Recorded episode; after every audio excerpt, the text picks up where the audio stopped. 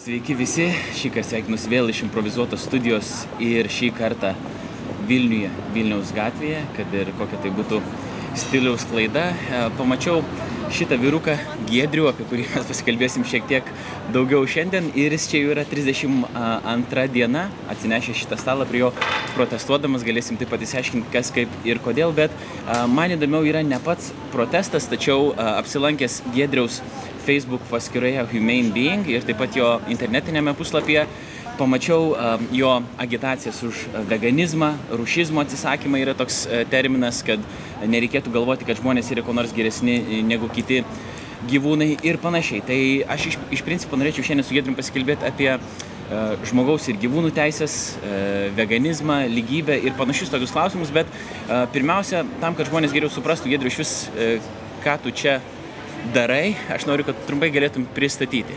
Stalas 32 iš eilės jau diena čia, daugam jau esi čia pažįstamas šitoj gatvėj, mažai kas žino tiksliai, ką tu darai. Tai labai trumpai papasakok tada, kodėl tu čia esi.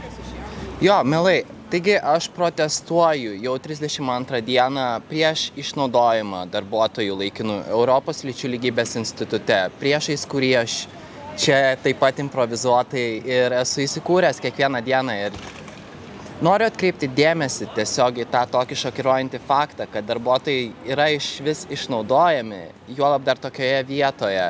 Ir tiesiog darau, ką galiu, kad pritraukti dėmesį šiai problemai ir kad ji pagaliau būtų sprendžiama in pačio instituto. O kaip tu sugalvoji tada tokį ilgą laiką, sakykim, salginai ilgą laiką um, protestuoti ir ar iš vis yra koks nors efektas. Tu pastebėjai, ateina žmonės pasikalbėti, pabendrauti, padiskutuoti. Nu, vieną čia matėm, ką tik e, vieną merginą, kuri norėjo apie tai pasikalbėti šiek tiek, bet ar tas tavo protestas sulaukia kažkokio atsako? Aš džiaugiuosi rezultatais. Taip, sulaukia iš tikrųjų pakankamai dėmesio. Ne per nelik daug, tačiau dėmesio tikrai yra. Žmonių yra susidomėjusi, žmonės domisi, didžioji dauguma tų, kurie susipažįsta su pačia problematika, pačia problema, kontekstu, jie taip pat nepritarė tiesiog tam, kas vyksta institute. Ir tai yra tiesiog labai akivaizdu, tai yra paprasčiausias išnaudojimas, kuris tiesiog negali būti praktikuojamas 21 amžiuje, ypač tokioje vietoje, kuri kovoja prieš diskriminaciją, lyties pagrindų, bet pati labai ironiškai diskriminuoja prieš savo darbuotojus. Taigi, Tu man atsintėjai, kai mes pradėjom kalbėti pirmą kartą čia prieš porą savaičių ir e, šiandien tavo jau yra paskutinė diena šiandienos e, protesto. E, kai mes bendravom apie tai, kad gal būtų verta pasikalbėti kai, apie kai kuriuos esminius klausimus, kadangi a, politika nėra mano a, stiprioji pusė ir, ir mes nesam čia, kad diskutuotumėm konkrečiai apie ar įstatymus, ar apie tai, kaip lyčių lygybės institutas veikia, a, bet daugiau apie pačią esmę. Minėjau apie, ja. pavyzdžiui, žmogaus teisę, nes kai yra nesažininga, yra neteisinga. Mm. Tai tada tokiais terminais operuojant, tada reikėtų žinoti, arba pradėti kalbėti apie tai, kuo remintis nesažininga ar neteisinga, kodėl visi žmonės turėtų būti lygus, kaip tu sakai, kodėl lytis turėtų būti lygios ir panašiai. Bet apsilankęs tavo puslapį, kaip minėjau, aš mačiau, kad tu ypatingai proteguoji uh, veganizmą. Uh, tai mes kalbėsim dar apie tai, bet jeigu žmonės norėtų dabar jau užbaigiant va šitą dalį tokią oficialiai apie tai, kodėl tu čia, kodėl tu čia esi, kur jie galėtų rasti informacijos ir tuos vat, lapus, kuriuos tu man atsintėjai namų darbų perskaityti, tai, kaip čia viskas yra neteisinga, kur jie, jeigu jums yra įdomu, kur jie galėtų tai rasti. Siūlau perskaityti atvirą laišką mano rašyto instituto direktoriai, kuris yra pasiekiamas adresu bit.ly, brūkšnys pasvirasis.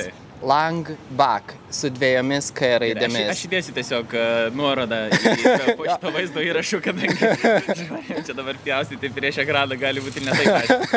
jo, tai paprašiau. Kiek mes išsikalbėjom dabar per tą laiką, ir aš tave sutikau čia ne vieną kartą praeidamas pro šoną ir tu sakai, vis tau yra uh, nešalta ir pradėjom kalbėti kaip apie žmogų, iš kur tu esi, sužinau, kad tu esi iš pajūrio, ar ne, uh, bent jau iš to krašto, iš to, iš to regiono, kad keliavai po, po pasaulį, po, po Europą, keliavai su dviračiu, tavo dviratis buvo pavoktas, bet uh, daug įdomių istorijų, bet pati įdomiausia man dalis yra tai, kad tu save vis tiek pristatytum kaip ateistas. Sakytum, nebūtinai tai būtų pirmas dalykas, ką tu sakytum, bet save taip įvardytum. Tai žmonės ne visada turi tuos pačius įstikinimus, arba ne visada taip pat galvoja. Tai kaip tu apibrieštum tą ateizmą, kodėl tu savo, save taip vadintum ir kaip tu tokios pozicijos prieėjai? Visų pirma, aš noriu patikslinti ir manau būtina, kad ateistu aš savęs neskubėčiau pavadinti. Tik tiek, kad aš manau tai gan gerai apibūdintų mano požiūrį. Tačiau aš pritaikau, man patinka tiesiog, ką sako Brian Cox šiuo atžvilgiu, šiuo klausimu. Jis tiesiog sako, kad pati tokia etiketė ateizmo, ateisto yra tiesiog skaldanti, kurianti atskirimą tarp žmonių. Ir taip pat aš manau, kad nebūtinas net yra žodis žmogui, kuris netiki kažko. Čia man patinka Sam Harris mintis, kuris tiesiog sako, kad nėra jokio žodžio žmogui, kuris netiki astrologiją, kad jis yra ne astrologas. Taigi aš manau, šiuo atveju man net irgi nėra iš ties būtina savęs vadinti ateistu, kai aš manau, kad tai tiesiog turėtų būti netgi vos ne natūrali tiesiog stadija. Aš tave spustelsiu dabar šitoje vietoje, jeigu galim iškart pradėti bendraujant eiti link tos diskusijos. Aš esu šitą girdėjęs e, paaiškinimą ne vieną kartą, kadangi yra teistų pas mane laidoje arba ne vienas jau ir su kai kuriais iš jų um, esame jau ir susidraugavę, ir po to kavos geria, ir, ir panašiai. Beje, vienas iš jų yra veganas, vainiau linkėjimai. Ir tai tas terminas, iš tikrųjų, sakau, vart, vartojamas, kaip aš esu sakykim, ateistas, bet man nenorėčiau, kad mane tai pristatinėtų. Ir sakai, dėl to, kad nereikia klijuoti savo kažkokios etiketės, jeigu, pavyzdžiui, aš irgi daug, daug kitų dalykų netikiu, dabar tik netikiu Dievu. Kur yra dabar problema? Tai astrologija, ar ten Semo Harriso, ar kitų vartojami e, tokie objektai kaip fėjos, pavyzdžiui, naudojami, kad aš nesu ten afeistas koks nors, arba a, e, vienaragistas. e, ir čia tada aš esu irgi tiesiog ateistas, man nereikia to sakyti. Čia tiesiog yra natūrali būsena vienas dalykas, kad mhm. liktai neutrali. E, ir kitas dalykas, aš labai daug dalykų netikiu ir nėra atskiro pavadinimo. Kur yra dabar problema? Pirmoji problema yra tame, kad uh, Dievo buvimo ar nebuvimo klausimas yra susijęs su galutinės realybės klausimu. Čia yra uh, nuo fėjų, nuo vienaragių nepriklauso, sakykim, tai, kas yra galutinė realybė. Iš esmės, teistas, kai kalba apie Dievą, jis kalba apie tą galutinę būtį, kuri pagrindžia visą realybę. Tai čia yra pirmas dalykas. Tai tai nėra kažkoks objektas visatoje, kuriuo aš tiesiog, pažiūrėjau, tikiu arba netikiu. Ir tada aš save galiu, sakykim, pavadinti vienaip pridedu raidelę A ir tada visais dalykais, kur netikiu, tai tada aš esu ateistas, vienaragistas ir panašiai, ir tada ateistas. Tai Dievas yra visiškai kitokios kategorijos būtybė, žiūrint filosofiškai, negu kad vienaragis fėja ar visa kita.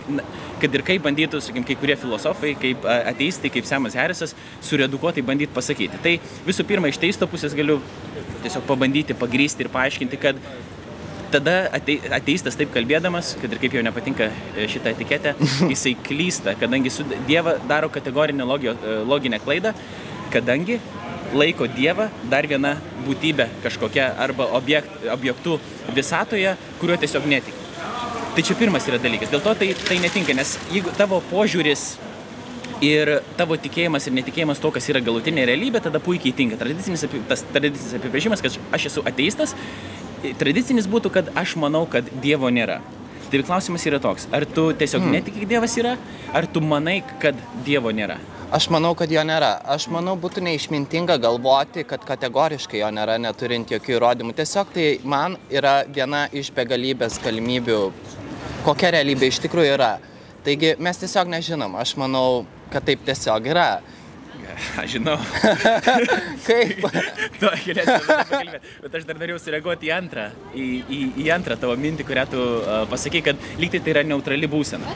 Ir iš tikrųjų, kiek man teko domėtis, buvo atlikta Oksfordo universiteto užsakymu, man atrodo, didelė, stu, didelė, didelė labai studija, um, sutraukusi labai daug pinigų ir įtraukusi labai daug žmonių, kurią paaiškėjo, beje, galėsiu irgi taip pat įdėti uh, nuorodą po vaizdo įrašų, kad žinotumėt, kad, kad, kad neišsigalvoju, kad iš tikrųjų žmonės turi įgimtą tikėjimą, kad Dievas yra ir jiems reikia būti išmokytiems priešingai, o ne tai, kad mhm. žmogus gimsta netikėdamas, kad Dievas yra ir tada reikia išmokyti, kad Dievas yra.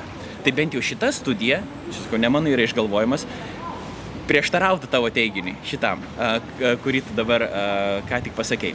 Čia vienas dalykas. Antras dalykas, Alvinas Plantinga, toks e, filosofas, krikščionys, jis yra sakęs, kad tikėjimas Dievu yra baziškai pagrindinis įstikinimas. Basically, uh, properly basic belief. Uh, tinkamai bazinis įstikinimas, gal taip reikėtų versti. Ar pagrindinis įstikinimas. Jis sako, kad kol nėra kažkokių priešingų įsitikinimų, kad Dievo nėra, mes galėtumėm sakyti, jeigu šventoji dvasia, tai yra jeigu pats Dievas paliudyja mums, kad jis yra, be kas atsitiko mano atveju ir daug žmonių, kuriuos aš pažįstu, kad Dievas tiesiog prisilietė asmeniškai ir įtikino, kad jis yra. Kol nėra jokio priešingo argumento, tol aš esu racionalus galvoti, kad Dievas yra.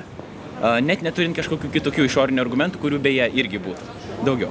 Bet uh, čia dėl to mano atsakas tau, kodėl mhm. man atrodo, kad nieko baisaus būtų tave vadinti ateistu, jeigu, ypatingai jeigu tu sakai, kad manau, kad Dievo nėra, nes šie tavo yra santykis su galutinė realybė, o ne su kažkokiu objektu, ten stalu, vienaragiu ar dar bet kokias būtų visato. Kaip tau toks paaiškinimas? Na, aš nebejotinai taip pat sakau, kad tiesiog tai apibūdina gan gerai mano mm. įsitikinimus ir mano pasaulio supratimą tiesiog, mano realybės suvokimą. Bet tai žodis, nepyks, jeigu aš sakysiu. Ateistas. Ne, aš manau tai gan taiklu, tik tiek, kad aš neskubėčiau savęs taip greitai taip apibūdinti, nes tai lyg ir mane sukuria toje pusėje, kur aš esu prieš priešoje kažkam, bet Jo, čia toks niuansas Supratau. labiau galbūt yra netgi žodinis. Galvotum tada ar įmanoma yra e, kažkaip nesukurti prieš priešus iš vis teigiant ką nors. Pavyzdžiui, dabar tu teigi, kad yra uh, didelė neligybė lyčių lygybės institute ir panašiai, ar tu nesukuri mm. tada kažkokius prieš... Jeigu Be imi kažkokią poziciją, bet tada tau nieko, tu esi nieko prieš prieš šitą prieš prieš, ar ne? Nes čia iš ties yra prieš priešo, o kitu atveju aš manau tai yra tiesiog sakymas, kad kažkas yra taip, kaip yra, bet taip ir tiesiog yra ir taip turi būti. O šiuo atveju, kas vyksta institute, taip neturi būti ir, ir e, tiesiog būtina prieš priešą. Jo, bet religijos atžvilgiu aš manau, ar ateistui, ar tiesiog tokiam žmogui kaip aš, kurį galima apibūdinti kaip ateistą, bet kuris galbūt nėra būtinai ateistas, aš manau, kad nėra būtina netgi būti prieš priešą, prieš kažką, kas atrodo net neegzistuoja objektyviai. Taigi... Kas neegzistuoja objektyviai, atsiprašau, turiu omeny, kad Dievas neegzistuoja objektyviai. Pats, jo, jeigu jį apibūdinti apibūdintume kaip būtybę, pavyzdžiui, kaip kad minėjai. Nu, galima apibūdinti ne šiaip kaip būtybę, bet kaip būti, pačią Aha. būti, kuri yra asmeniška. Bent jau čia būtų tradicinis Dievo apibrėžimas yra tai, už ką nieko daugiau negali būti pamastyta. Čia yra Anzelmas toks pateikęs, e, šventas Anzelmas, krikščionių taip pat mąstytojas, pateikęs tokį apibrėžimą, o tas pats Alvinas Plandingas sako, kad Dievas yra maksimaliai didinga būtybė. Ir netgi yra ontologinis Dievo buvimo įrodymas, kuris kalba apie tai, kad Dievas privalo egzistuoti. Jeigu yra galimybė, kad Dievas egzistuoja, reiškia, jis privalo egzistuoti. Tai dabar tu sakydamas, kad uh, neverta skaldytis ties to, ko nėra, tu jau automatiškai priemi vėl kažkokią poziciją ir tu sakai, aš nenoriu skaldytis ties to, ko nėra, bet aš žinau, kad Dievo nėra ir tada mums net neverta yra apie tai išnekėti arba kažkokių etikečių savo prisidėti arba uh, priimti. Na, apie tai tikrai verta kalbėti. Čia toks labiau paradoksas vos negaunasi. Be abejo, yra tiesos ir tame, kad susikuria savotišką prieš priešą, bet man atrodo, net tame tiesiog yra ta pagrindinė esmė. Bet pačiame apibrėžime Dievo yra labai daug niuansų. Tai vos ne yra tapęs žodis nešvarių žodžių kažkuria prasme, nes tikrai yra daug įvairių interpretacijų, neaišku, iš karto automatiškai, ką tikintysis, ar tiesiog bet kuris netikintysis turi omenyje, kai sako Dievas iš karto, tai Jo, gan... Aš, aš bent galiu pasakyti, ką aš turiu omenyje, mm. arba kas tradiciškai krikščionybėje turime omenyje, kad Dievas yra tai, už ką nieko daugiau negali būti pagalvota, arba Dievas yra maksimaliai didingo būtybė, čia yra toks trumpiausias pats apibrėžimas. Ir tai yra maksimaliai moraliai tobula būtybė ir jinai egzistuoja pati savaime, jinai reiškia yra nesukurta. Tai reiškia, jeigu kažkas paklaustų, um, tai kas tada sukūrė Dievą, tai, tai čia netiktų Dievo apibrėžimui, nes Dievas nėra tai kaž, kažkas, kas yra sukurta. Tai Dievas yra pati savaime egzistuojanti būtybė, kuri neturi jokio išorinio sukūrimo taško. Prasme, neturi jokios išorinės priežasties, jis pats savaime yra savo priežastis. Ir aišku, krikščionis mano, kad Dievas yra asmeniškas, jis nėra kiekviename, sakykime, daikte, arba Dievas nėra visata. Dievas yra galutinė realybė, kuri yra, uh, kuri yra asmeniška. Uh, tai bent jau tokiu, mm, tokiu apibrėžimu, sakykime, aš operuočiau. Bet grįžtant dabar prie tavo asmeninės istorijos. E, ar tu visą laiką, sakykim, laikai save, ateistų, kiek save atsimeni, kur tu užaugai, kokioje tu šeimoje užaugai, ar e, ėjai kada nors į bažnyčią, pavyzdžiui, kokie tavo buvo, sakykim, ta tokia tikėjimo kelionė jaunystės, paauglystės metais? Kelionė gavosi labai įdomi ir netikėta, nes aš esu iš tikinčios šeimos, iš tikrųjų, aš buvau tikintysis, aš eidavau į bažnyčią, aš melstavausi, aš turėjau tikybos pamokas mokykloje. Bet laikui bėgant aš tiesiog išėjau iš šios tikėjimo sistemos savo noru, Aha. nes pamačiau, kad ji tiesiog neturi pamatų, kurie man yra priimtini. Aš pamačiau, kad tai tik ir yra tikėjimo sistema. Bet tai nutiko žingsneliais. Pavyzdžiui, vieną kartą, pamenu mokyklą, čia vienas toks įsiminęs man momentas labai yra, kai per tikybos pamoką, pačioje pradžioje pamokos, buvome visi mokiniai atsistoję ir kažką sakėme tiesiog, ką mes įprastai sakydavome. Tai buvo kažkas panašaus į vieną tokią met, e, frazę buvo tame visame dalyke tekste saugoki mano žingsnį kiekvieną. Ir aš pamenu, labai tai pasakiau tiesiog išreikšdamas nuoširdumą ir energiją. Ir tai pasakiau, saugoki mano žingsnį kiekvieną. Kažkaip taip. Ir tai užkliuvo tikybos mokytojai. Ir jie iš karto pasakė, kas čia tai pasakė. Ir pradėjo ieškoti būtent manęs, nerado beje, bet galvoja, kas čia pasakė taip. Ir man tas momentas nepatiko. Jinai piktai tai pasakė, tu Gan piktokai, jo.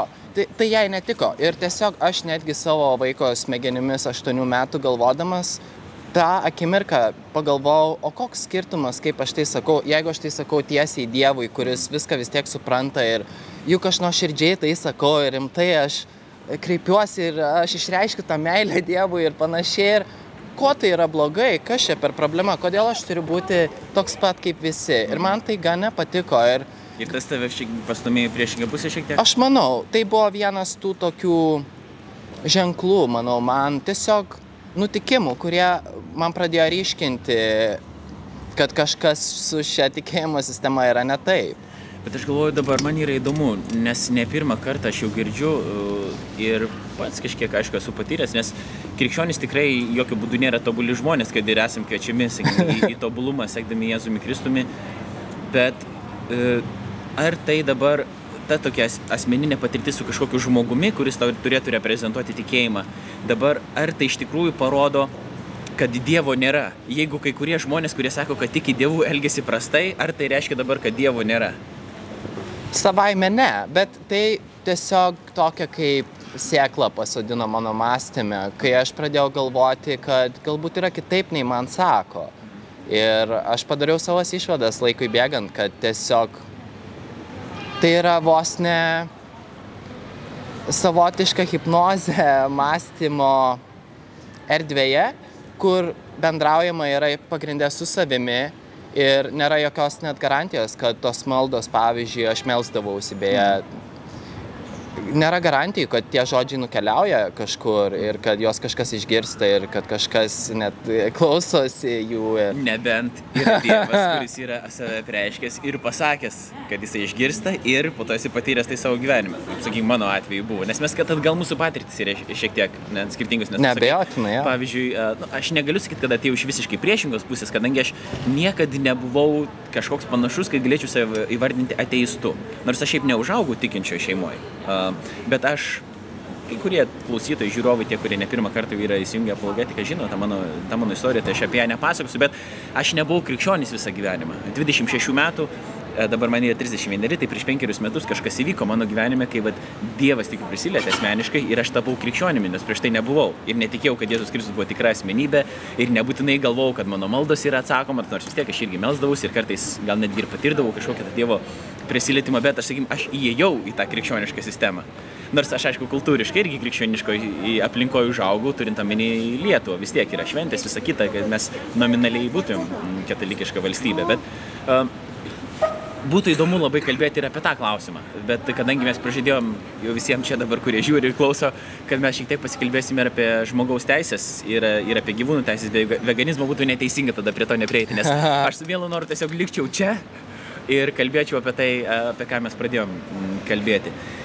Bet pats tas lygybės e, konceptas. Ir tu netgi dabar kalbėdamas su mergina, kuri prieš tai čia buvo prisėdusi, e, sakai, kad tai yra objektyviai negera, kad yra diskriminuojami žmonės.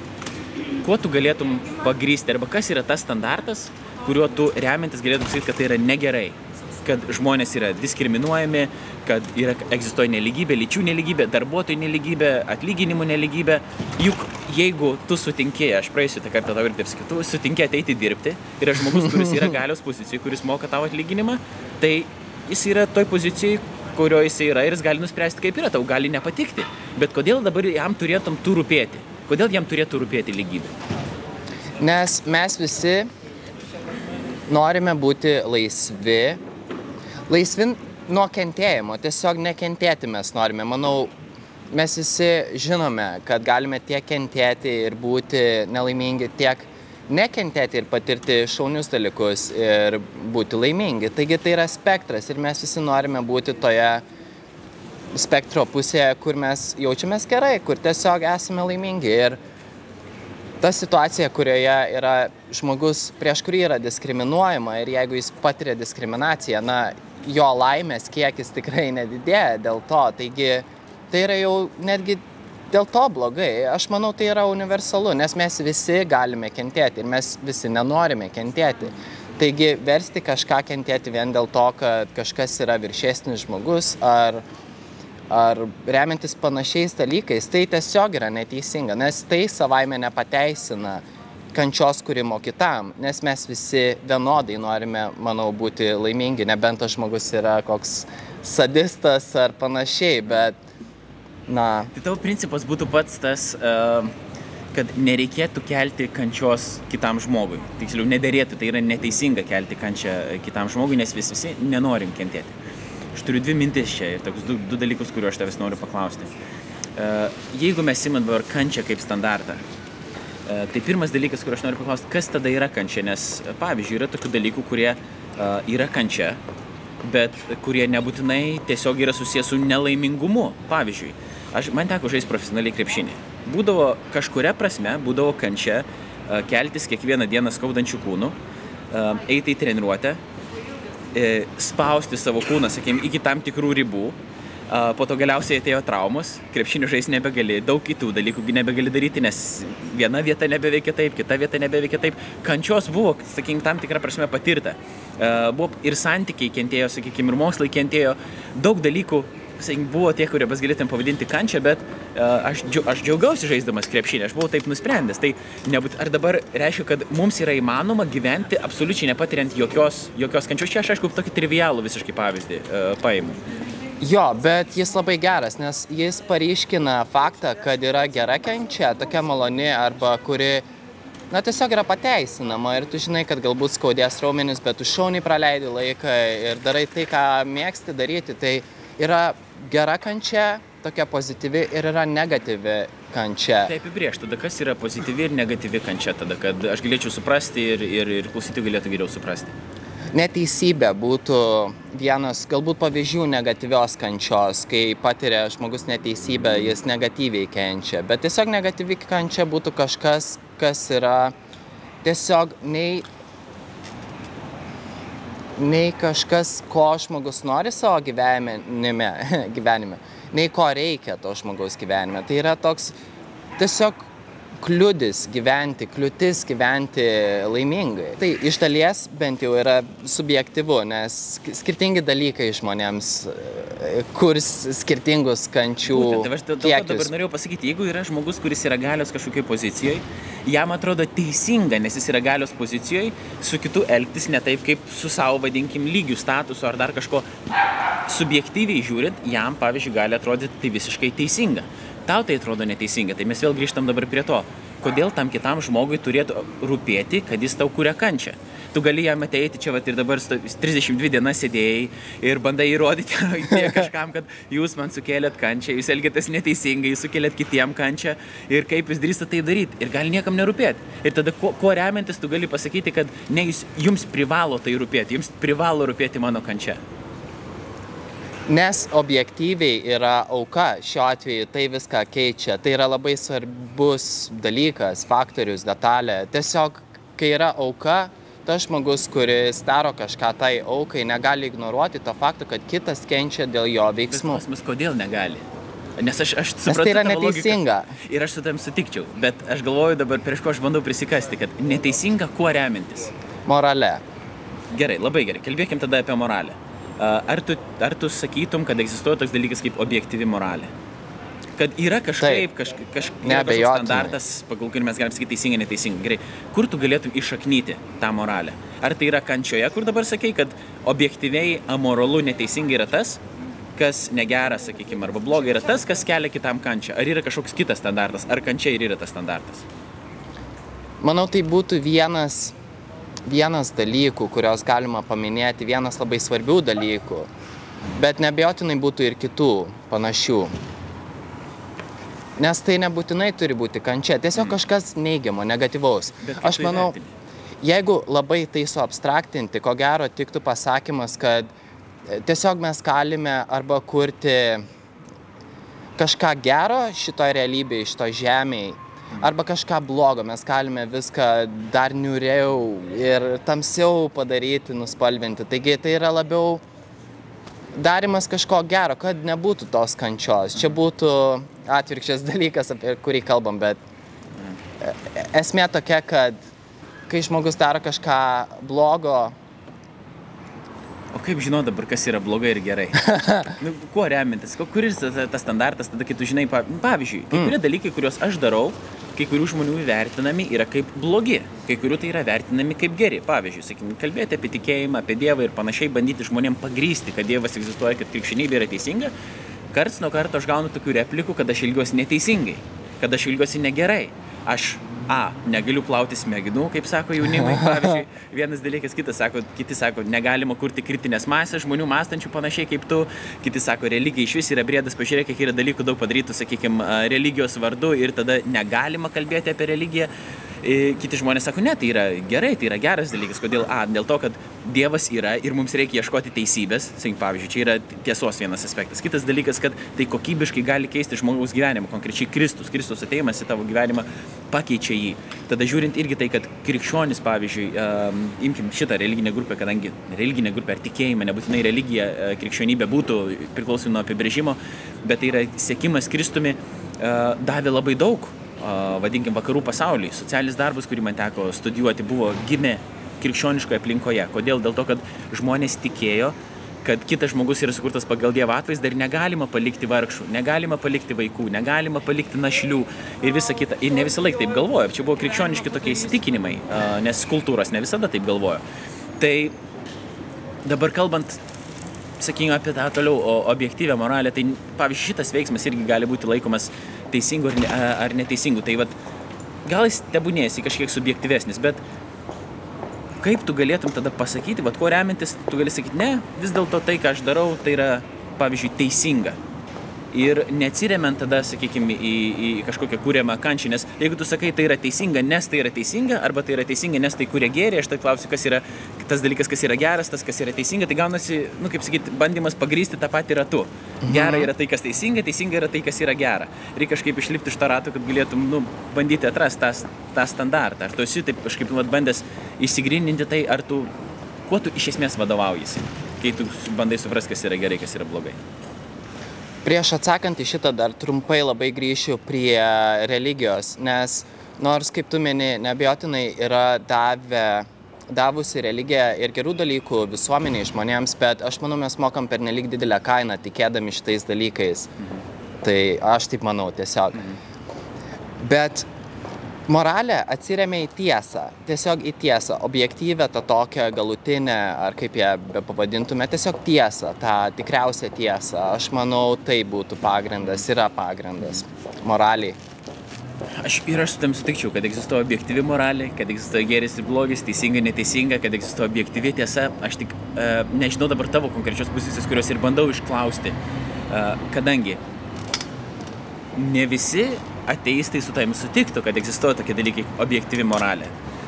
Pavyzdžiui, Semas Herisas bando pagrysti, kad egzistuoja objektyvi moralė, bet iš, iš, iš esmės jisai tiesiog uh, pasako tai, kad objektyvu yra tai, kas teikia naudą kažkokiam kitam arba teikia naudą maksimaliam žmonių kiekiui. Bet tai nėra objektyvu. Objektyvu nėra tai, kas priklauso kažkaip nuo manęs. Objektyvu yra tai, kas yra uh, ne mano nuomonė, kas būtų tiesa, nesvarbu, kas taip pasakytų arba kas kaip galvotų. Tai yra visiškai nepriklausoma nuo mano nuomonės, tai yra objektyvu.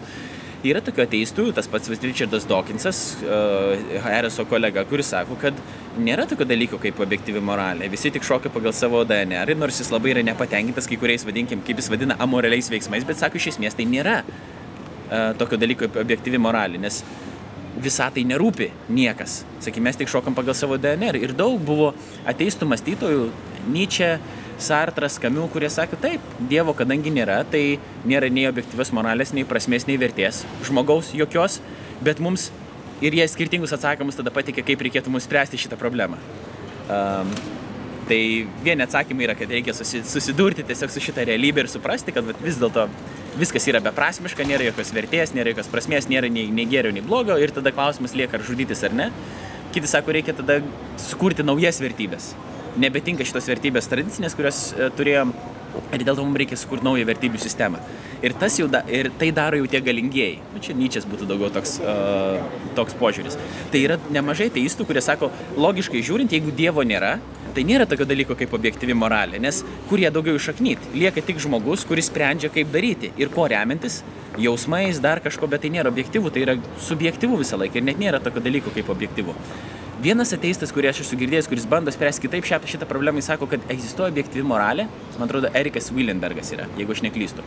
Jis sako, kad uh, yra toks dalykas kaip uh, teisingumas, kaip gėris, blogi, kaip gėris, grožis ir panašiai, yra objektyvi moralė, bet jinai egzistuoja nei Dieve, nei jinai priklauso nuo žmonių, jinai yra kaip abstraktus kažkoks objektas, toksai platoniškas idėjų pasaulis, kad yra tokia idėja kaip teisingumo, pavyzdžiui, gėrio ir panašiai. Bet ten problema yra, o tai kodėl mums turėtų dabar rūpėti ir kaip mes iš vis, kaip tie abstraktus objektai gali mums duoti ką nors, kaip jie mums gali parodyti, kaip jie mums gali, kaip gali vesti, sakykim, to teisingumo keliu ir kaip mes iš vis prieinam prie šitų dalykų.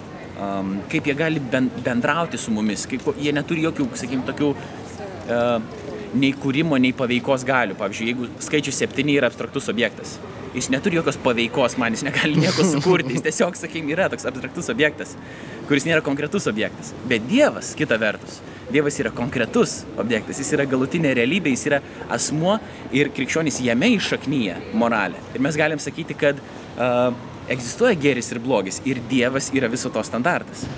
Tai va dabar ap, apžvelgus šitos visus uh, dalykus, kokia būtų kokie būtų tavo pamastymai ir ar tu save dėtum į kažkuria iš tų stovyklų ir bandytum pasakyti, pagrysdamas objektyvę moralę, objektyvę tiesą, kur tu ją išaknytum. Kas būtų to išaknyjimas, pagrindas. Gal paradoksiškai tai net yra susijęs su subjektyviu patyrimu pasaulio. Mhm. Tiesiog norint kurti kažką pozityvaus ir nepatirti kančių, aš manau, mes ir ir darom. Na, galbūt svarbiau yra nusteikimas pozityviai, tiesiog noras gyventi prasmingą gyvenimą, nenusižudyti ir labiau pasirinkimas būti ne nihilistu, mhm. bet tiesiog matyti viską kaip įdomią kelionę ir pozityviai mąstyti. Ir aš manau, per tą daug savaime dalykų ateina. Ir mhm. aš manau, tai beje yra vos ne privalomas pasirinkimas, nes kitaip šitoje būtyje žmogus ir būna visą laiką liūdnas, surūgęs ir vos nelaukia mirties. Ir beje, aš negaliu, atrodo, net nepaminėti to, ką aš pamačiau ant sienos gyvendamas. Čia truputį toks iš šono nuėjimas, bet tai susijęs su visko. Aš gyvenau trumpai karito laikinuosiuose namuose ir ten ant sienos buvo toks kaip paveikslas ar kažkoks plakatas tiesiog rėmintas kuriame buvo užrašyta mintis. Aš nepamenu labai tiksliai pažodžiui, bet ten sakė, kad, na dabar vos ne tiesiog kentėkim, atbūkim, bet kai mirsim, pateksim į dangų ir bus nuostabu. Ne taip buvo parašyta, bet tokia mintis. Ir man tai labai nepatinka, nes aš mačiau, kad dauguma žmonių gyvenančių ten buvo nelaimingi, gan ir suprantama, žmonės dauguma alkoholio problemų ką tik atsisakė ir tiesiog, na, sunkiose gyvenimo etapuose esantys žmonės, tai suprantu, kad jiems sunku, bet aš galvojau, tai neskatina pozityviaus požiūrio būtent dabar, šią akimirką, kur ir yra, atrodo, objektyviai vienintelis realus dalykas, kuris egzistuoja.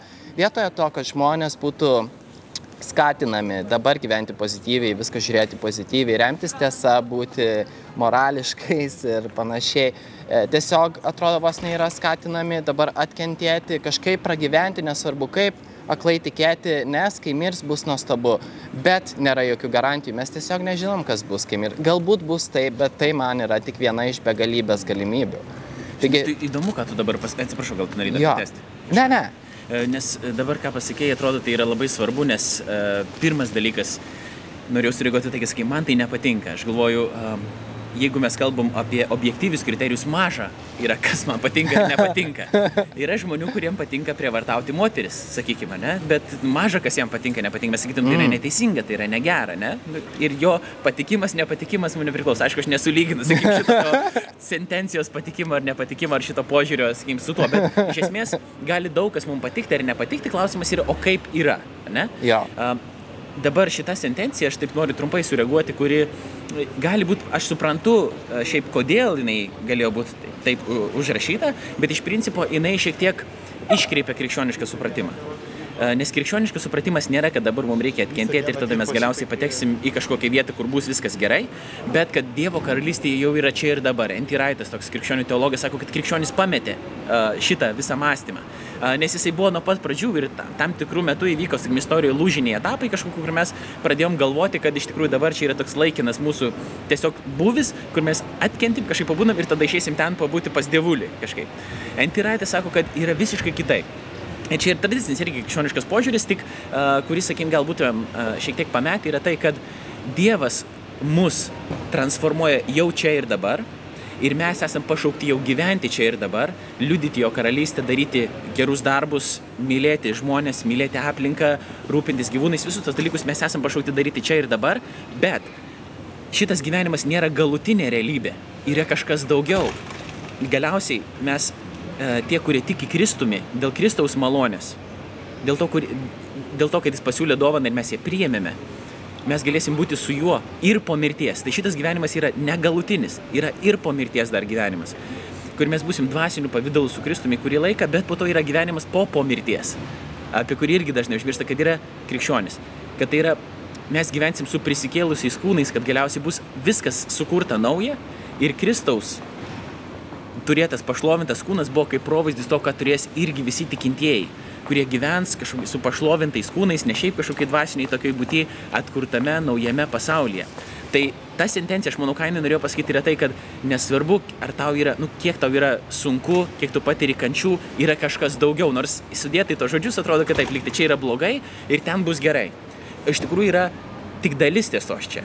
Tai yra tokia pustėse, kuri po to gali būti iškreipta kažkaip, nes yra didesnė realybė, šitas gyvenimas nėra baigtinis, čia gali būti kančios ir vargo ir viso kito, bet čia nėra viskas.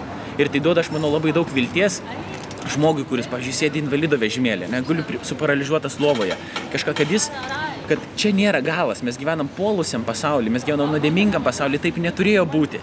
Bet per žmogaus atsiskirimą nuo Dievo per nuodėmę, per tą nusisukimą nuo Dievo, žmogus, kai pradėjo gyventi taip, kaip jis pats norėjo, Dievas leido patirti pasiekmes ir sako, galiausiai susigražinsiu visus pas save ir pradėjo traukti prie, prie Kristaus kryžiaus ir galiausiai kviesti arčiau prie savęs, kur mes, gaudami naują gyvenimą Kristuje, privalom gyventi jau ir čia ir dabar Dievo karalystėje.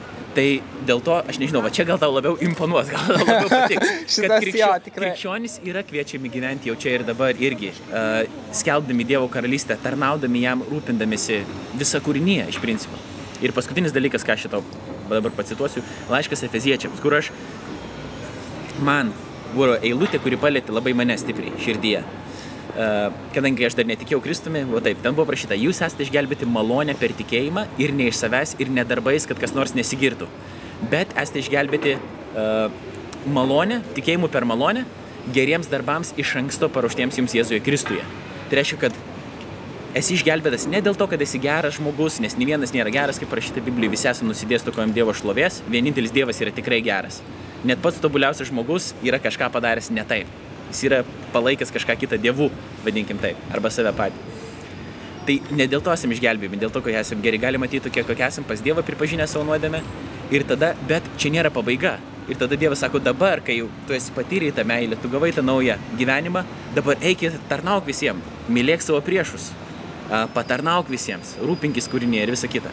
Tai vad gal toks, nežinau, krikščionybės vaizdas, ta galėtų būti tau, nu, kaip sakyti, įdomesnis. Nu, ne tokia įdomesnė, įdomesnė, bet jis yra tikresnis. Šitoks pozityvesnis pažiūrėjimas į viską tiesiog skamba pozityviau, nes tai ir yra pozityvesnis dalykas, bet man tai pareiškina dabar, ką paminėjai, tai kad iš ties yra problema interpretavimo detalėje visų šitų dalykų, nes tu dabar pasakei, kad šitaip kitaip galima į šitą tekstą pamaty, pažiūrėti, kurį aš ten mačiau ant Aha, sienos, taip, bet taip, taip. aš tame matau tokią nemenką problemą, nes iš ties kur yra garantijos, kad tikintysis ar tiesiog žmogus pažiūrės būtent mhm. taip, kaip reikia, atrodo, į šios dalykus, kur patys tie dalykai jau savaime yra pristatomi kaip parašyti, remianti šitą galutinę tiesą, pavyzdžiui, Biblija, kur mes negalime nieko nuneikti, atrodo, ir nieko redaguoti taip pat ir dabar iki laiko e, pabaigos turėsime vienai par kitaip gyventi. Tai kur yra garantijos, kad žmogus interpretuos būtent taip, Nėra kaip garantijų. reikia? Nėra garantijų, dėl to tiek daug ir buvo problemų per istoriją. Bet reikalas yra tas, kad e, interpretacijos visur egzistuoja. Sakykime, nesvarbu, kokią tu pasaulyje žiūrę paimtum, sakykime, ar paimtum uh, ateizmą, jeigu nesinori vadinti ateizmo pasaulyje žiūrę, tai bent jau kažkokią, vadinkim, tą pozityvę kryptį kaip naturalizmą, kad nėra nieko daugiau arba materializmą, kad nie, nėra nieko daugiau kaip šita fizinė visata. Ir iš kur mes žinome, ar egzistuoja tokie dalykai kaip dvasiniai dalykai, ne?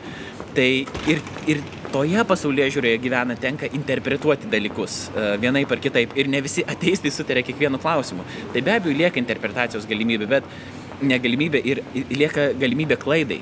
Bet mm. Dievas yra davęs palikęs laisvą valią ir leidžia žmonėm bandyti suprasti ir atrasti tą tiesą. Aš nesinai skaičiau patarlių dabar knygui, kad uh, Dievo, dabar aš bandau išversti tiesiog iš anglų kalbos, kadangi paskutinį kartą skaičiau tą pastraipą angliškai, kad, uh, kad Dievo šlovė yra kažkaip užslėpti kažkokį dalyką, o karalių šlovė yra tą, tą dalyką atskleisti. Tai, kad Dievas yra mums davęs kažkokią, sakykime, realybė, kurią mes galim bandyti kažkaip suprasti ir mes dabar turim bandyti ją kažkaip įsiaiškinti. Ir nėra taip, kad mums viskas yra absoliučiai, sakykim, taip kaip dievų nuleista tiesiai į smegenis, kaip suinstaliuota ir visi mastų lygiai taip pat. Nes jeigu tai būtų, tada sakytumėm, koks dievas yra despotas ir blogas, jis nepaliko jokios laisvės valios, jis mums privertė mąstyti taip, kaip mes mąstome kiekvienu klausimu.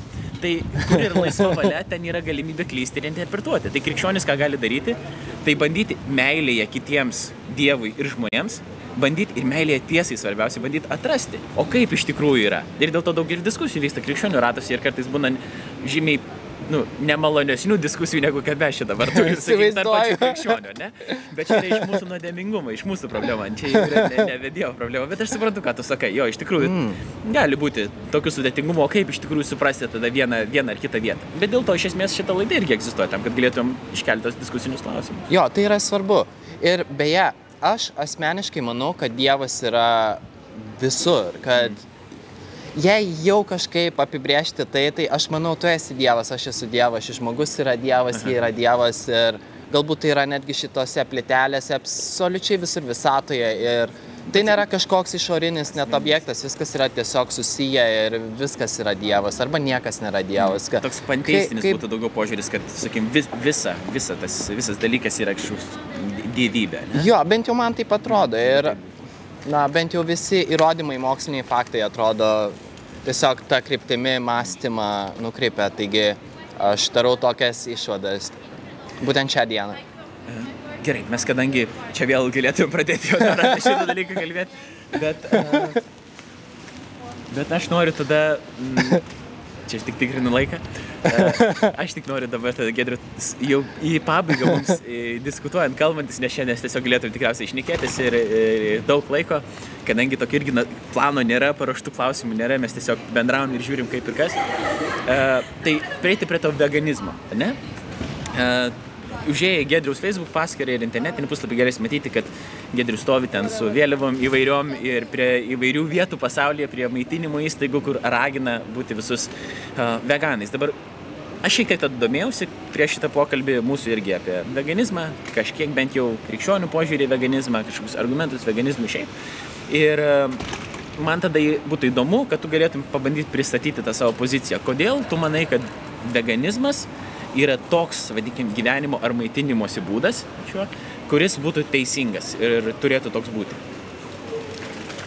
Veganizmas tiesiog yra nekelimas kančių gyvūnams, kai tai nėra būtina. Ir dauguma atveju tai nėra būtina.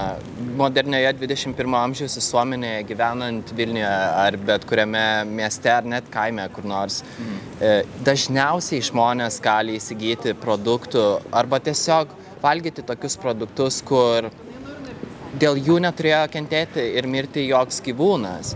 Tai aš manau, tai tiesiog turėtų ir tai turėtų būti pagrindas. Tai yra labai neutralu. Čia yra tiesiog ne prisidėjimas prie kančių, kurias mhm. patiria gyvūnai. Be reikalo beje, nes joks gyvūninis produktas mums nėra būtinas išgyventi. Mhm. Aš jau 2,5 metų, 2,5 metų esu veganas, niekada nemaniau beje, kad būsiu veganas, bet jaučiuosi geriau nei bet kada anksčiau ir aš įsitikinau, kad mano sveikatai tiek kūno prasme, tiek moralinė prasme yra daug geriau nebevalgyti šių produktų, kurie tik kančias kuria. Ir...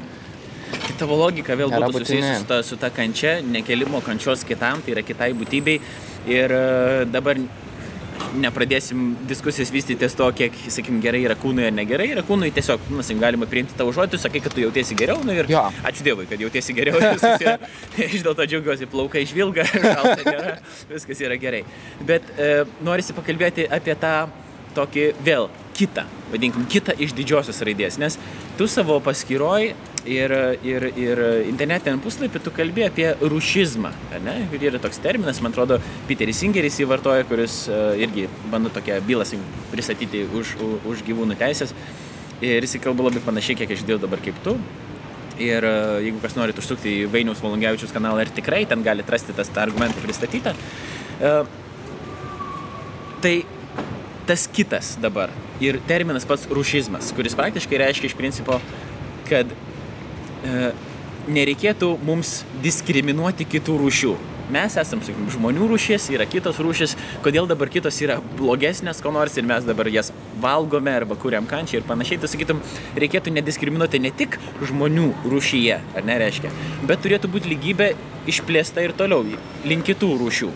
Tai dabar mano klausimas, ar aš teisingai dabar? Iš ties, būtent. Tai e, ar tu darytum skirtumą tada kokį nors tarp žmogaus ir nežmogaus, sakim, kažkokio gyvūno. Ar tavo supratimu visi mes esam gyvūnai ir iš esmės jokio didelio skirtumo tarp žmonių ir gyvūnų nėra? Mes esam visi gyvūnai, bet yra skirtumas. Manau, pagrindinis skirtumas atskirianti žmonės nuo tiesiog laukinių ar naminių gyvūnų, kur beje naminis gyvūnas yra tik mūsų sugalvota savoka. Tiesiog nuo kitų gyvūnų mus atskiria galimybė, gebėjimas daryti dalykus remintis morale, moraliniais pagrindais, remintis tiesa. Tiesiog mes turime, atrodo, taip, galbūt ypatingesnį kažkuria prasme, tiesiog suvokimą mes galime remtis kažką darant morale, ko negali daryti, pavyzdžiui, tigrai kokie ar katės ir panašiai. Sakytum, kad, vat, kai, kai žmogus suvalgo kažkokį gyvūną arba nušauna tigrą, šiaip sau dėl savo smagumo nenorėdamas kailį pasidaryti, jis elgesi amoraliai, nemoraliai, bet jeigu tigras sudrasko žmogų, jis nėra moraliai atsakingas uh, už savo veiksmą. Jo, nes tigras ar liūtas, tiesiog ar meškas. Lietuviškai tokie. Jo, paskutinis gal kažkada buvo prieš 50 metų, gal dar yra, tikiuosi yra kur nors meška, labanoro gerioje. Bet tiesiog tie gyvūnai dažnai neturi pasirinkimo, ypač tikrieji grobuonis, tokie kaip liūtai ar tigrai jie tiesiog privalo valgyti mėsą, tačiau žmogui nėra reikalinga mėsa ar bet koks gyvūninės kilmės. Turiu minį dabar apie tai, kad e, neturi pasirinkimų, tai neturi pasirinkimų dėl to, kad jie veikia tik instinktais ir viskas yra užprogramuota, ar tiesiog, kad jų išgyvenimui yra būtin, būtina mėsa, kuri tu turi variantą, ar abu. Na, jie, jų kūnas tiesiog taip yra užprogramuotas, jiems yra išgyvenimui būtina mėsa. Mhm. Šiems krobonims. Mums tai nėra būtinybė, nes mes galime gyventi valgydami tik augalinės kilmės maisto produktus ir, ir būti geriausioje savo formoje. Ir tik, bet optimaliai. Čia dabar šiaip toks, nežinau, kiek bus juokas, kiek rimtai, tai čia, sakykim, toksai per, galima paimti abiem variantais, bet yra gyvūnų, ne, pavyzdžiui, yra, kurių yra daug ant augalų įvairių, kuriuos galėtum, sakykim, mes suvalgyti. Tai kodėl dabar šitie gyvūnai yra prastesni už uh, vištą, uh, keulę, karvę ar dar kažką, vadinkim, vabalai, visokie vabžiai ir visa kita, nes jų tai tikrai, aš garantuoju, kad gyvūnitas yra dar ne gyvūninės kilmės, sakykim, daržovėm paremtos, kilmės, augalinės kilmės, o šitas yra žodis, ne vien daržovės, kilmės produktai tikrai jie sunaikina labai daug įvairios gyvybės, kuri gal nebūtų tokia didelė. Tiesa, bet čia nėra buvimas tobulų, čia yra tiesiog stengimasis neprisidėti prie nereikalingos kančios ir faktas, kad daug įvairių vabžių ir panašių gyvių yra tiesiog dėja ir netyčia nužudomi mums beauginant augalinės kilmės produktus, augalus tiesiog, bet čia ir yra esminis skirtumas, kad mūsų intencija, mūsų tiesiog veikimas nėra pagristas tyčiniu žudimu sąmoningu, kurio remiasi visi žudimai keulių, karvių, vištų, žuvų, kas yra mora, moraliai nepriimtina, nes mes žinom, kad mes kuriam kančias ir specialiai tai darom. O kitu atveju mes tiesiog stengiamės daryti, ką galim geriausiai ir, na, netyčia, jeigu užminam ant kokios krusdėlės ir panašiai, na, tiesiog taip nutiko, bet mes nedarėm to specialiai. Darimas specialiai yra pagrindinis skirtumas šiuo atveju. Jo, motivacija, jo. Gerai, aš noriu dabar jau visiškai į, į pabaigą um, tavęs paklausti, tiksliau, pasiūlyti tau tokį dalyką ir žiūrėti dabar, kaip tu sureaguosi, nes uh, nemažai ties ko mes sutinkam, kad egzistuoja toks dalykas kaip objektyvi tiesa, objektyvi moralė, kad mes esame moraliai atsakingi prieš kitas, sakykime, būtybės ir panašiai, kad žmonės yra atskirti nuo gyvūnų ir vienas iš tų yra tai, kad mes darom pasirinkimus, kurie mes esame vadovaujami moralės ir tiesos kažkokios. Ties tais dalykais mes galim sutikti. Aš tik manau, kad tu neturi jokio pagrindo taip galvoti. Aš žinau, kad, aš, aš žinau kodėl tu taip galvoji, bet aš manau, kad tu tiesiog neturi jokio gero pagrindo tam, nes gaunasi taip, kad tu, sakykime, laikydamasis visai gerų išvadų, vadinkim, tai teisingų išvadų, stovi tiesiog ore. Kaip sakyti, angliškai yra toks uh, pasakymas, kad uh, your feet are planted firmly in mid-air. Ta prasme, ore, tvirtai esi įsitvirtinęs, kad ore nėra jokio gero pagrindo. Ir aš todėl tu noriu pasiūlyti tą pagrindą, kadangi atsakymas, bent jau krikščioniškas, man atrodo, dėl to aš ir esu iš dalies krikščionis, kad man atrodo krikščioniški atsakymai patys geriausiai, taip kaip mes suprantam realybę, kad kodėl žmonės yra moralės būtybės, yra dėl to, kad jos yra sukurtos pagal Dievo atvaizdą kad mes privalom atspindėti Dievą šitam pasauliu, kuris yra geras, kuris yra mylintis, kuris yra visko besirūpinantis. Tai mes esam A sukurti pagal Dievo atvaizdą, kas reiškia, kad mes esame moralios būtybės. Gyvūnai nėra sukurti pagal Dievo atvaizdą, dėl to jos nėra moralios būtybės, jos neš, neneša moralinės atsakomybės ir jos neturi, sakykime, tokių, nu, tokios sampratos, sakykime, čia yra gerai, čia yra blogai, jis veikia daugiau instinktais vadovaudomasi. Žmonės atspindėdami Dievą vis dėlto galvoja apie kitus dalykus, jie galvoja apie gėrį ir blogį.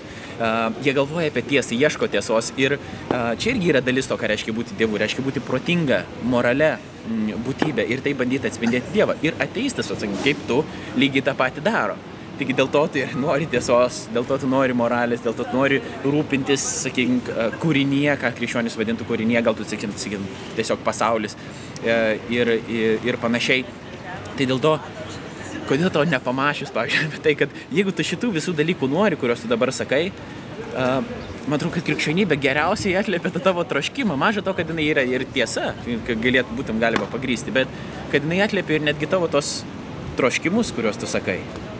Iš ties ne visai, nes tu dabar paminėjai, kad pasaulis tiesiog yra tokia mylinti vieta, viskas šaunu, bet mes žinom, kad žudydami gyvūnus be reikalo mes kuriam kančias tiems gyvūnams, jie kenčia, jie nenori mirti, jie klykia, kraujuoja, yra siaubingose kančiose. Taigi, ar mes prisidedame prie pozityvaus kūrimo, prie gėrio pasaulyje, žudydami gyvūnus, kai to nereikia daryti, kai mes žinom, kad jie kenčia, kaip kad mes kenčiam. Galbūt tie gyvūnai neturi moralės, tokio suvokimo, kokį turime mes, bet jie taip pat kaip ir mes kenčia ir nenori mirti, mes visi norim gyventi.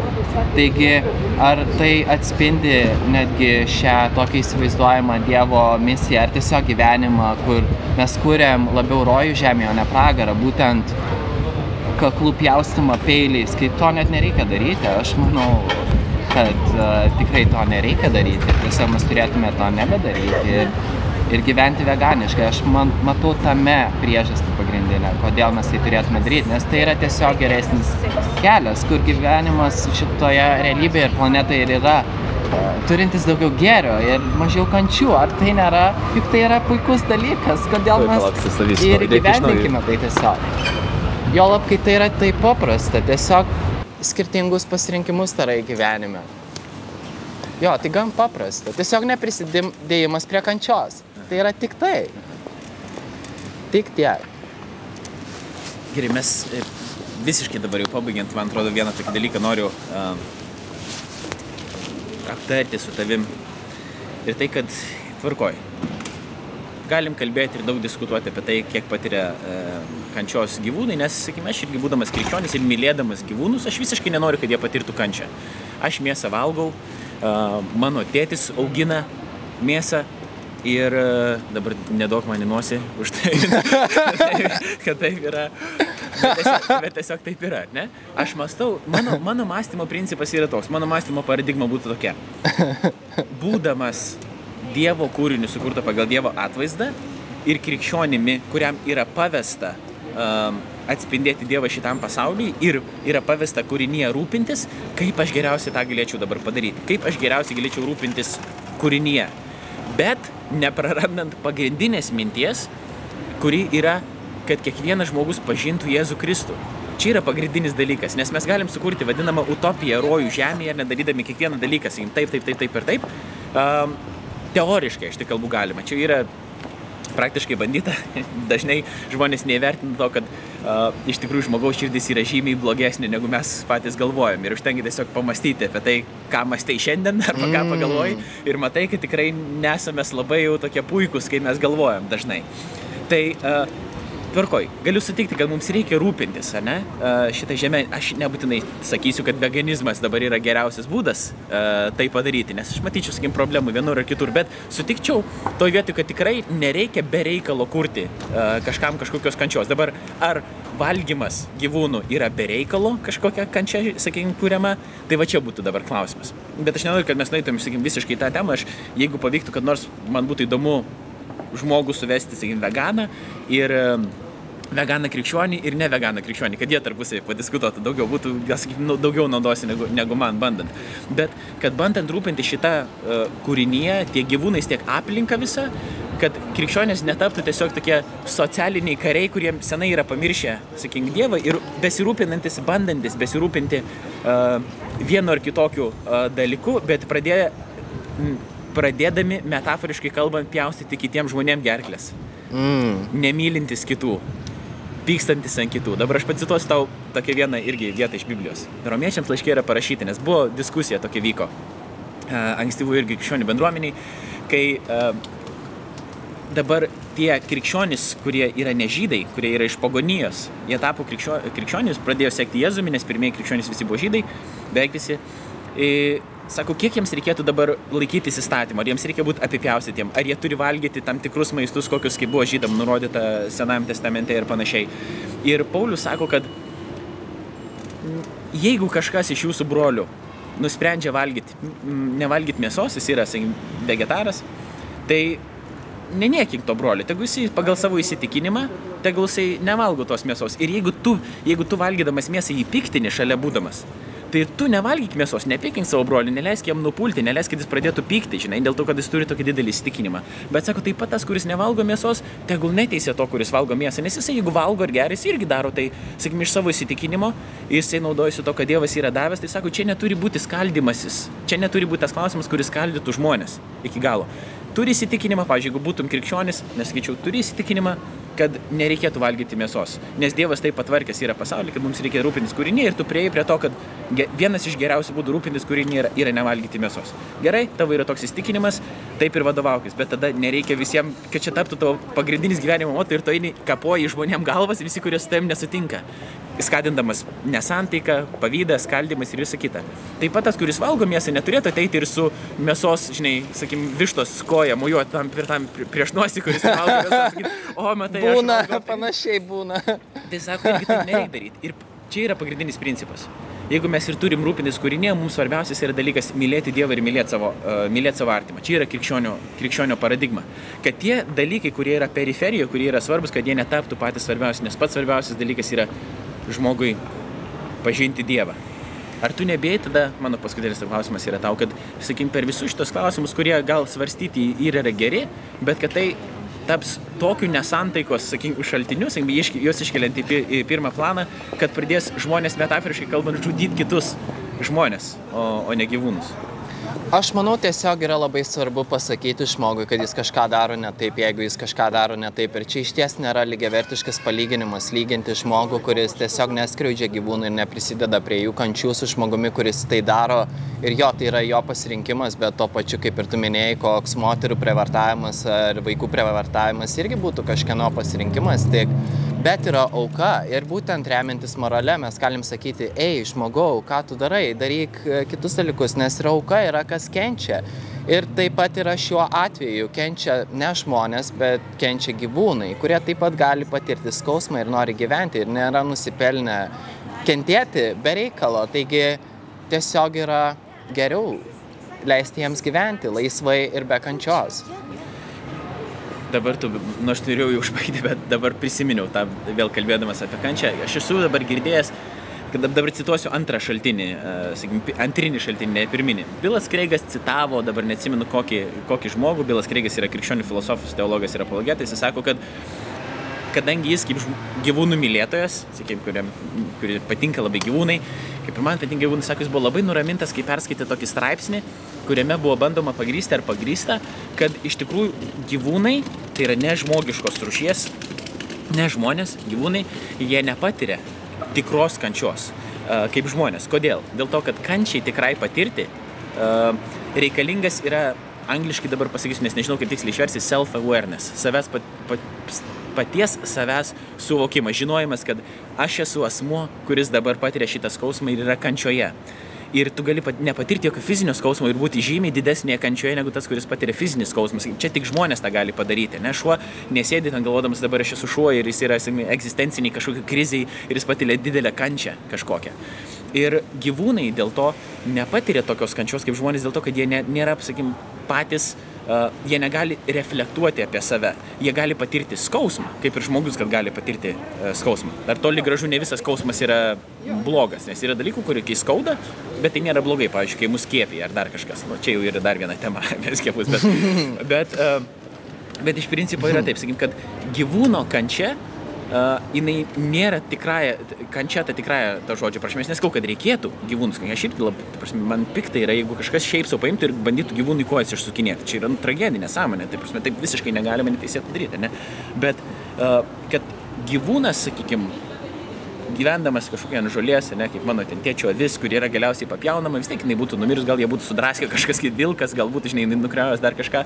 Jinai pragyveno kažką ir jinai per tą gal patyrė skausmą kažkurio metu, bet tai nepatyrė kažkokios kančios, kad jinai dabar reflektavo galvoja, kaip mano, koks mano blogas yra gyvenimas ir, ir, ir visa kita, nes jinai yra nežmogiškos rūšies būtybė. Mažų mažiausiai šiuo atveju ši avis prarado didžiausią dovaną, kurią gavo iš Dievo ar tiesiog iš šitos egzistencijos, nes atimti gyvenimą kitam, kai tai nėra būtina ir kai tas gyvūnas ar žmogus toliau gyventų ir jei dar gyventų jo be kančių kokioje pievoje, tai tai yra tiesiog nusikaltimas. Kai, kaip, tai yra blogai tiesiog, tai yra ne, ne, nebūtinas dalykas, bet ką aš labiau norėjau ir noriu paminėti yra tai, kad gyvūnai nebūtinai turi tą tokią reflektavimo galią, kaip kad turime mes. Jie galbūt to neturi, bet aš manau, būtų neteisinga sakyti, kad jie kategoriškai ir faktiškai to neturi, nes mes tiesiog nežinom. Gal yra toks dalykas kaip buvimas šunimi arba buvimas musė, kuris skraido po kambarį. Mes tiesiog nežinom, ar jie patiria realybę. Galbūt ta musė skraidydama irgi musiškai mato viską ir galvoja, arba negalvoja, bet žino, kad jie yra musė ir kažkaip gyvena. Tai aš manau, netgi jau remiantis to nežinojimu, mes turėtume būti atsargus. Turėdami omeny, kad gal ta musė tikrai nenori mirti ir patiria skausmą ir mes tiesiog pavoksim gyvenimą iš jos, nepriplokim, galbūt remiantis tuo.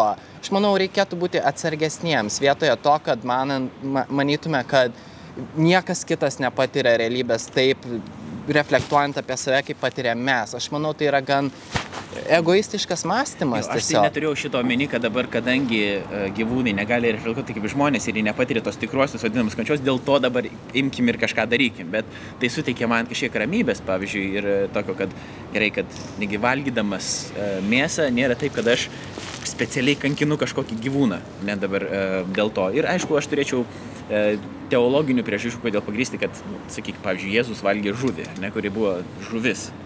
tai, bet ir, sakykime, jeigu visatos valdovas ir negali savo leisti tokį dalyką padaryti, tai jau yra, žinai, nu, verta pamastyti tada, kaip, kaip tas vyksta. Bet čia jau yra kitos diskusijos, tikriausiai tolimesnės, kaip ten kas laikomi narvuose, ne narvuose, visa kita ir panašiai, bet tik aš manau, kad galim sutikti ties, e, ties tą vietą, kad taip, be reikalo kančios e, tikrai nereikia kelti e, gyvūnams.